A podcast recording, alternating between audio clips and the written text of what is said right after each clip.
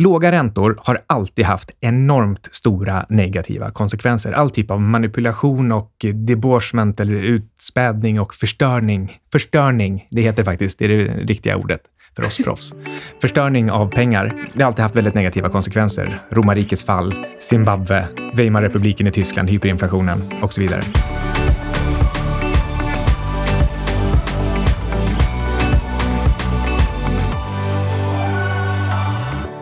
Hej och välkomna till Outsiders. Det är jag som är Micke Syding. Och jag heter Anna Svan. Idag ska vi prata om räntor. Vi ska prata om var de kommer ifrån och vad de används till och även svara på frågan om de någonsin sover. Det här låter lite som eh, vi ska prata om antingen Björn i skogen eller Min lilla hund som du precis frågade precis innan vi slog, slog på mikrofonerna.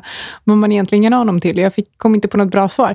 Men han är inte en ränta i alla fall. Han heter Capex, men mer om det eh, en annan gång. Mm, men innan vi pratar om räntor så eh, ska vi mysprata lite om vad som har hänt i världen. Vad, vad var det som hände här en, eh, en morgon i helgen? Du och jag började diskutera amorteringskravet och eh, jag tycker att det är det här. Först kom ju nya amorteringskravet och sen kom skärpta amorteringskravet och sen kommer det något mer. Och jag tycker att den här regleringen är eh, jättedum. För dels så leder det till att det är jättemånga unga som nu faktiskt inte har möjlighet att ta sig in på bostadsmarknaden.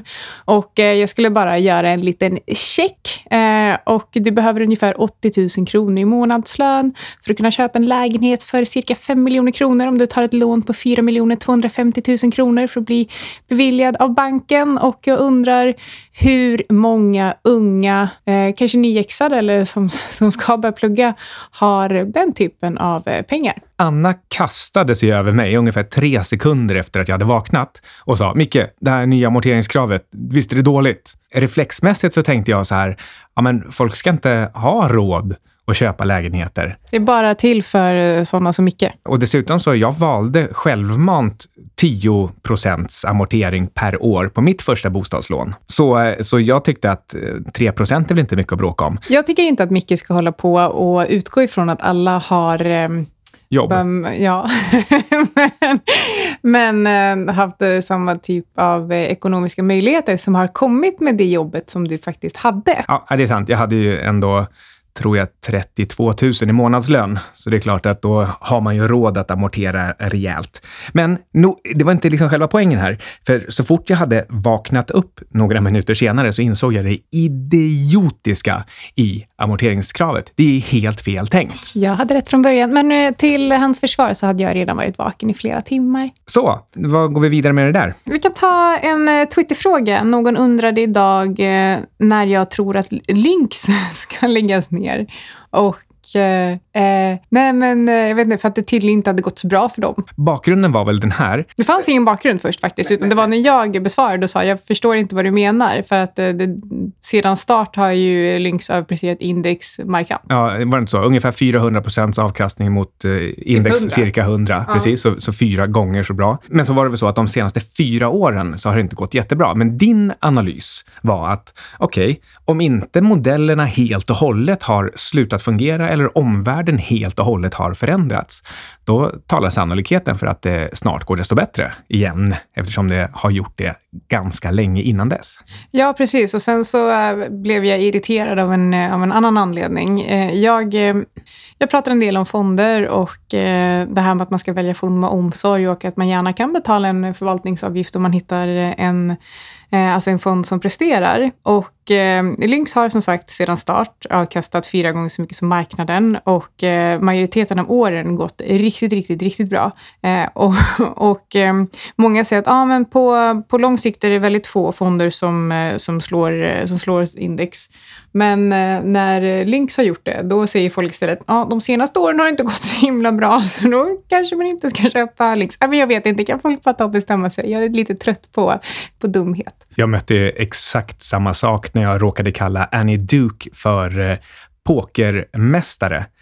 Hon är helt hållet klart och tydligt en mästare. Hon har vunnit turneringar hon har väl typ vunnit eh, Champions of the Championships. Ungefär. Så, eh, men eh, då alla de som i alla andra lägen gärna vill berätta hur mycket skicklighet som är involverat i poker, då plötsligt så var det så att hon har bara haft massor med tur och till och med den sämsta spelaren kan vinna den bästa turneringen på bara tur. Ja, men det är ju faktiskt skitsak samma om det är tur eller inte, för hon vann ju fortfarande, så hon har ju en mästerskapstitel, eller faktiskt till och med flera. Så att grattis Annie Duke till, din, eh, till ditt tur i spel. Jag vet inte. En lite kul grej är väl att, var det inte så att den här svenska höjdhopparen Stefan Holm, mm. Stefan, ja, brukar inte han nästan säga att Patrik Sjöberg hade tur som bara halkade över 2,42 en enda gång? Jag har ingen koll, men det låter som, som en dålig idrottsman att säga en sån sak faktiskt. Ja, eller åtminstone så tyckte han att, att jag har hoppat väldigt många gånger över en lägre höjd. Och du har bara hoppat över en jättehög höjd en gång. Ja, ähm. Moving on. Vi ska snacka lite räntor. Säger man räntor? Ja, räntor, räntor. är väl antagligen klassiskt uttal numera bland twittrare och inte minst EFN, Börslunch. Ja, det är räntor. Räntor. Men eh, jag tänkte att vi... Sover den? Eh, nej, det gör den aldrig. Nej, och det är det som är själva grejen. De har sagt hela min karriär, räntan sover aldrig. Och för alla er nu som tror att vi ska snacka om det här ligga med ränta på ränta, så eh, det här är inte avsnittet för er. Vi ska prata om den andra typen av ränta, den som som, ofta kommer på räkningar, bland annat. Ja, alla möjliga sorters ränta. Var kommer en ränta ifrån egentligen? Eh, växer den på träd? Mm, nej, det gör den inte. Ränta är, i alla fall ur ett perspektiv, en kompensation för tid och risk. Om du får välja mellan att få 100 kronor idag eller 100 kronor imorgon, då ska du tycka att du hellre tar den idag, för du kan ju alltid lägga den i byrålådan, så har du den imorgon i alla fall. Så det, det är otvetydigt så att det är bättre att få den idag. Men om jag får välja mellan 100 kronor idag eller 110 kronor om ett år? Mm, det är då man måste börja fundera över, vad är egentligen alternativkostnaden? Vad hade du kunnat göra med den där hundralappen om du hade fått den redan idag? Det där är också ett sätt att fundera över vad räntan är. Så räntan kommer även från den där frågan om alternativkostnad. Åtminstone när det gäller just din ränta eller dina val. Och Jag tycker att någon som går igenom det här på ett väldigt pedagogiskt och bra och extremt roligt sätt är eh, Peter Schiff i How an Economy Grows. Eh, och då tar han upp, ehm, då tar han upp ehm, egentligen ränta som ett eh, alternativ till hur du kan få avkastning på dina pengar istället för att bara låna ut dem och hoppas på det bästa. Alltså du ska ha någonting tillbaka för den risk som du tar när någon annan använder ditt kapital. Så det är inte bara en fråga om att du är av med pengarna under en viss period och därmed inte kan göra någonting mer med dem. Inte konsumera och njuta av konsumtionen, inte placera i någonting annat. Utan det är också den här risken att den som hanterar dina pengar, om du inte har det i din egen byrålåda, att den kan råka klanta bort dem eller elda upp dem. Jag stötte på, har stött på flera personer som inte har tänkt två gånger någon gång. Och då har jag fått frågan, ja, men nu kommer det sig att människor som inte har så mycket kapital får mycket högre ränta om de till exempel söker lån och sådär, än de som har möjlighet att betala. Är inte det orättvist? Och då har man totalt missat poängen. För att då tror man att det är någon slags rättighet att få låna pengar. Och så glömmer man bort motparten som faktiskt tar den här risken eh, i att låna ut pengar. Och det är klart att man hellre lånar ut pengar till någon som man till typ 100% sannolikhet få tillbaka dem, än att låna ut dem till någon där det är så här, ja men eh, det finns en möjlighet att eh, en del eller hela kapitalet försvinner och därför vill jag ha en högre, eh, en högre ränta helt enkelt eh, som, eh, som betalning för att jag tar den här risken och lånar ut till dig.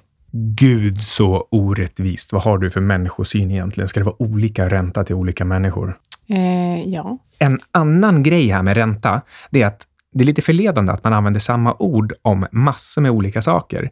Vi har till exempel Riksbankens styrränta är en sak och sen har vi marknadsräntor på bland annat statsobligationer, men även på företagsobligationer. Det vill säga när företagen ger ut ett värdepapper där det står “Jag lovar att ge tillbaka pengarna om några år” och eventuellt betala ränta på vägen. Det känns lite som att man har tagit en, ett ganska enkelt koncept och så har man buntat ihop det med andra liknande koncept och så har man döpt det till ett ord, vilket gör att det vid första anblick kan kännas som ett assvårt koncept. Ja, för det blir väldigt eh, kladdigt och, och luddigt och, och komplext om man använder samma ord för massor med olika saker. Jag kan bara rada upp ett antal till begrepp som också egentligen är räntor.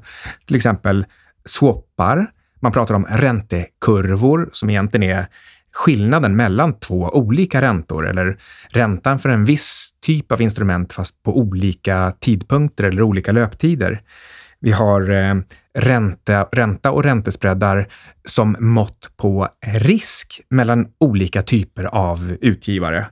Vi har såna här riktigt jobbiga begrepp som LIBOR. Vi har, ibland så pratar folk om eh, FRA OIS-spreadar eller TED-spreadar. Det finns massor med begrepp som betyder ganska olika saker, men som för gemene man kallas för ränta. Mm, och eh, Det kallas för ränta för gemene man och så vaggas eh, gemene man och småsparinvesterare in i någon slags falsk trygghet om att det här är ett ganska säkert tillgångslag. Och så eh, säljer man eh, men strukturerade produkter som är skitdåliga, som egentligen är sammansatta av massa olika typer av ränteprodukter med liksom ganska låg säkerhet eller ingen alls. Just det, jag tog ju inte ens upp dem, där man till exempel plussar ihop någon typ av räntekomponent med någon typ av optionskomponent och sen tar man enorma dolda avgifter i värderingen av båda de här två komponenterna. Och sen säger man till, eh, till kunden att det här är i princip helt säkert på nedsidan och du får vara med x gånger utvecklingen på uppsidan. Så det låter som att det är dubbelt så bra på, åt båda hållen. Till exempel vid eh, finanskrisen när man kortade, alltså gick kort och bettade på att de här skräpobligationerna, som det kallas, skulle, eh, skulle fallera och då tjänade de massa pengar när många andra förlorade pengar istället. Det som inte var skräpobligationer utan som var högre trancher som det kallades, det är ytterligare ett komplicerat begrepp, där faktiskt de högre trancherna, de som inte var skräp, de föll ännu mer för att de var man så himla säker på att de verkligen aldrig skulle falla. Så, så de var verkligen liksom prisade till perfektion, vilket inte skräpisarna var. Det finns ingenting som heter en gratis lunch och eh, risk är reell risk. Glöm inte det. Någonting som vi ser under eh, en, på toppen av eh, liksom en högkonjunktur är att vi, vi glömmer av vad risk faktiskt betyder och det här är liksom ett ypperligt bra exempel som man kan gå tillbaka till. Men vad, vad mer då? Vi kan prata om eh, Sveriges räntor och eh, Sveriges riksbanks eh, styrräntor som ju är negativa. Är Ingves en devil in disguise eller är hans låga räntor det? Mm, du och jag har ju diskuterat det här tidigare och eh, vi, vi har pratat om är Ingves inkompetent eller ond och kom fram till att han nog i så fall är ond om det är något av dem. Ja, svensk ekonomi eh, går bra i dagsläget och vi tror att det också kommer att gå bra de närmaste åren. Och penningpolitiken, eh, enligt vårt sätt att se det, är ett viktigt skäl till att det är på det sättet. Ja, för eh, låga räntor har alltid haft enormt stora negativa konsekvenser. All typ av manipulation och debauchement eller utspädning och förstörning. Förstörning, det heter faktiskt, det är det riktiga ordet för oss proffs. Förstörning av pengar. Ehm, det har alltid haft väldigt negativa konsekvenser. Romarrikets fall, Zimbabwe, Weimarrepubliken i Tyskland, hyperinflationen och så vidare, Argentina. Och det här vet Ingves om. Och ändå så kör han den här eh, cykeln med eh, låga räntor, till och med negativa räntor, vilket alltid leder till att folk drar på sig större skulder och trycker upp tillgångspriser. Och det här blöder sen in i att man får lägre avkastning på de projekt som man faktiskt eh, ger sig in i, därför att de höga tillgångspriserna, de letar sig in i själva kostnaderna också. Och det här måste ju också leda till att folk eh, alltså, söker sig till högre risk. Ja, det blir, eh, pengar blir som en het potatis, man bara måste skicka vidare. Och det är egentligen själva symptomet i en hyperinflation. Så Ingves försöker simulera en hyperinflation där man bara skickar vidare pengarna investerar i vad som helst. Man, man bara vill inte hålla cash. Men vad då? Nu är det väl lite orättvist. Är inte kronan ähm, jättestark just nu? ja, och, och det där har vi inte ens pratat om. Det är nästa grej, att att, dessutom valutan förstörs. Nu älskar ju förstås alla aktiespekulanter det, för de, de ser att nominellt sett så går deras Atlas Copco upp tack vare att då dollarn ser stark ut. Ja, eh, grattis, men eh, på, på lång sikt så ser det ju kanske lite mörkare ut. Men vad händer om eh, räntan, eh, om eller när räntan höjs då? Bostadslån är väl den absolut största konsekvensen i, i Sverige. Vi har väldigt mycket bostadslån. När räntan höjs, då måste man betala sina bostadsräntor. Det är eh, särskilt, menar, I Sverige så är det så. Vi, vi är bundna vid de här lånen. Och då blir det mindre pengar över till allt annat. Det blir mindre pengar över till konsumtion. Man kommer förstås betala sin el och och sin mat och det, den absolut viktigaste transporten. Men eh, de här diskretionära, lite större eller inköp man inte behöver göra, de kan få problem. Ja, och eh, det finns hur mycket studier som helst som tyder på att vi i Sverige, vi, det absolut sista vi slutar betala, det är våra boendekostnader. Och eh, för bo måste vi göra, så, så är det bara. Men ja, mindre konsumtion.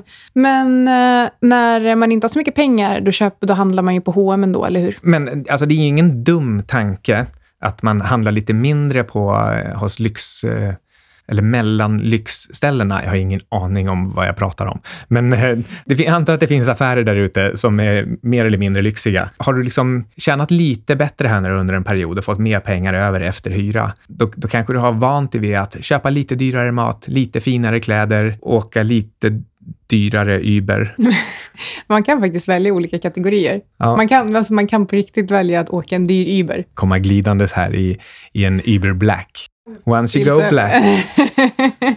jo, okej, okay, men vi, vi släpper H&M och lyxkonsumtion och konsumtion i sig. Det, men det, det blir i alla fall lidande om räntan höjs nu, vilket den eh, ju sannolikt kommer att göras. För att eh, jag vet inte riktigt hur länge man tror att man ska kunna lura, lura oss med eh, Eh, med den här minusräntan. Och om vi ska knyta tillbaka lite till det här amorteringskravet då minusräntor och eh, amorteringskrav. Så första gången köpare och som människor som inte har köpt bostad, är helt omöjligt att ta sig in. Folk som har bostad och hade det innan amorteringskravet, det är liksom, det är så nice. Så nice för dem nu. Jag tycker att eh, bostadspriserna ska regleras av räntan och inte ett amorteringskrav. Ser vi att eh, bostadspriserna blir för höga, då tycker jag att man eh, faktiskt på allvar behöver se över räntorna, för då har vi ett annat typ av problem. För att vi ska inte stimulera till den typen av lån som vi har gjort idag. Nu påstår säkert Riksbanken att de har ingenting med bostadspriser att göra. Det, de läggs ju inte ens med i inflationen, antar jag. Eh, inflationsmåttet, men det säger egentligen bara att de har fel inflationsmått. Ja, de räknar väl på det sätt som, eh, som passar dem helt enkelt? Ja, men de räknar på det sättet som innebär att eh, inflationen ser låg ut. Mm, men okej, okay, och aktiemarknaden då, när räntan höjs? Ja, det finns faktiskt inga riktigt självklara svar här. Under en ganska lång period, 20 år, men som är lite av en anomali, då fanns någonting som kallades för Fed-modellen och det var lägre räntor gav högre aktiepriser och högre räntor gav lägre aktiepriser. Men utanför den här perioden, som, som väl var ungefär 80 till 00 eller 85 till 05. Jag kommer inte ihåg, men alltså det, är en, det är en ungefär 20-25 års period. Men utanför den, alltså före och egentligen efter, så har den här modellen inte haft någon bra förklaringsgrad. Så eh, Eh, det är faktiskt lite oklart. Alltså det kan mycket väl vara så att, eh, att höga räntor också ger högre priser. Ehm, men, men det skulle då vara för att de höga räntorna talar för eh, i alla fall en nominell tillväxt. Välkomna till Sverige. Vi har blivit Ankeborg. men, men ett sätt som man faktiskt kan hedga... Eller jag vill säga en sak innan vi lämnar Fed. Don't fight the Feds. Eller Don't fight the Fed. alltså, slåss du mot FBI eller mot amerikanska centralbanken nu? Jag fattar inte vad FBI har med räntor att göra. Alltså, nej, det är många som har undrat varför, man, varför de är där och försvarar eh, räntan. Men det är alltså så enkelt som att eh, FBI heter ju Federal Bureau of Investigation och kallas för the Feds när eh, poliser blir förbannade för att det är någon som kommer in och, och hävdar att det är deras jurisdiktion. Då säger de, ah, här kommer the feds, typiskt coola personer med stora jackor. Och då, det är också de som blir jättearga när man bråkar om räntan då, eller? Nej, utan det är då The Federal Reserve Bank of the United States, även förkortat The Fed. Hur kan man hedga mot höjda räntor? Jo, med mitt favorittillgångslag råvaror, som vi ska tillägna hela nästa avsnitt till. Då ska vi snacka om guld och steroider, eller hur? Ja, det blir kul. Guld gillar vi båda. Men eh, vad säger du då? Är det någonting av det vi har sagt här någon eh, rekommendation? Nej, ingenting är någon rekommendation. Och skulle du på något sätt ha lyckats missförstå någonting som en rekommendation, då är det fel och vi tar inget ansvar för det. Trade responsibly. Li. Tack för oss. Du har lyssnat på Outsiders Med Syding och Svan. och Syding. Mest Svan.